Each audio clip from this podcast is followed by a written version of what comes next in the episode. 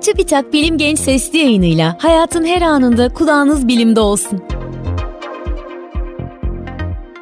Örümcek ağı neden çok güçlüdür?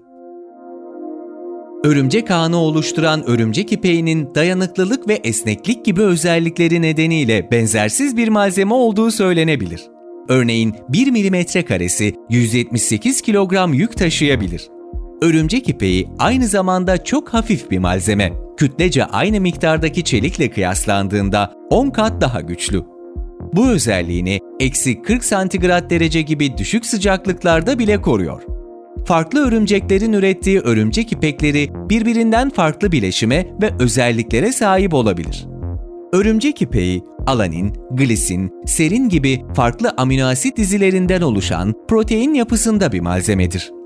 Proteinin yapısında moleküllerin düzenli bir şekilde konumlandığı kristal bölgeler ve moleküllerin düzenli bir şekilde konumlanmadığı amorf bölgeler bir arada bulunur. Amorf bölgeler örümcek ipeğinin esnek olmasını yani üzerine bir kuvvet uygulandığında bir miktar şekil değiştirmesini, uygulanan kuvvet ortadan kalktığında eski haline dönmesini sağlar. Bu sayede örümcek ağına çarpan böcekler ağa zarar veremez. Proteinin yapısındaki kristal bölgelerse örümcek ipeğinin dayanıklı ve güçlü olmasını sağlar. Örümcek ipeğinin yapısındaki moleküller belirli bir düzende sıralanmıştır ve bu geometri yani moleküllerin konumlanma şekli malzemenin yapısını belirgin şekilde etkiler. Örneğin örümcek ipeğine elastiklik özelliğini veren glisin amino asidi açısından zengin bölgelerde 5 amino asitten oluşan diziler bulunur. Her diziden sonra yapı 180 derece döner ve bu sayede sarmal bir şekil alır.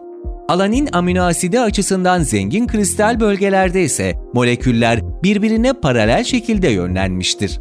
Amorf ve kristal bölgeler birbirine geçmiş halde bir arada bulunur. Örümcek ipeğinin üretimi sürecinde moleküllerin yapısındaki bu düzenleme, proteinler salgılandıktan sonra örümceğin kendi etrafında dönüşü sayesinde ortaya çıkar.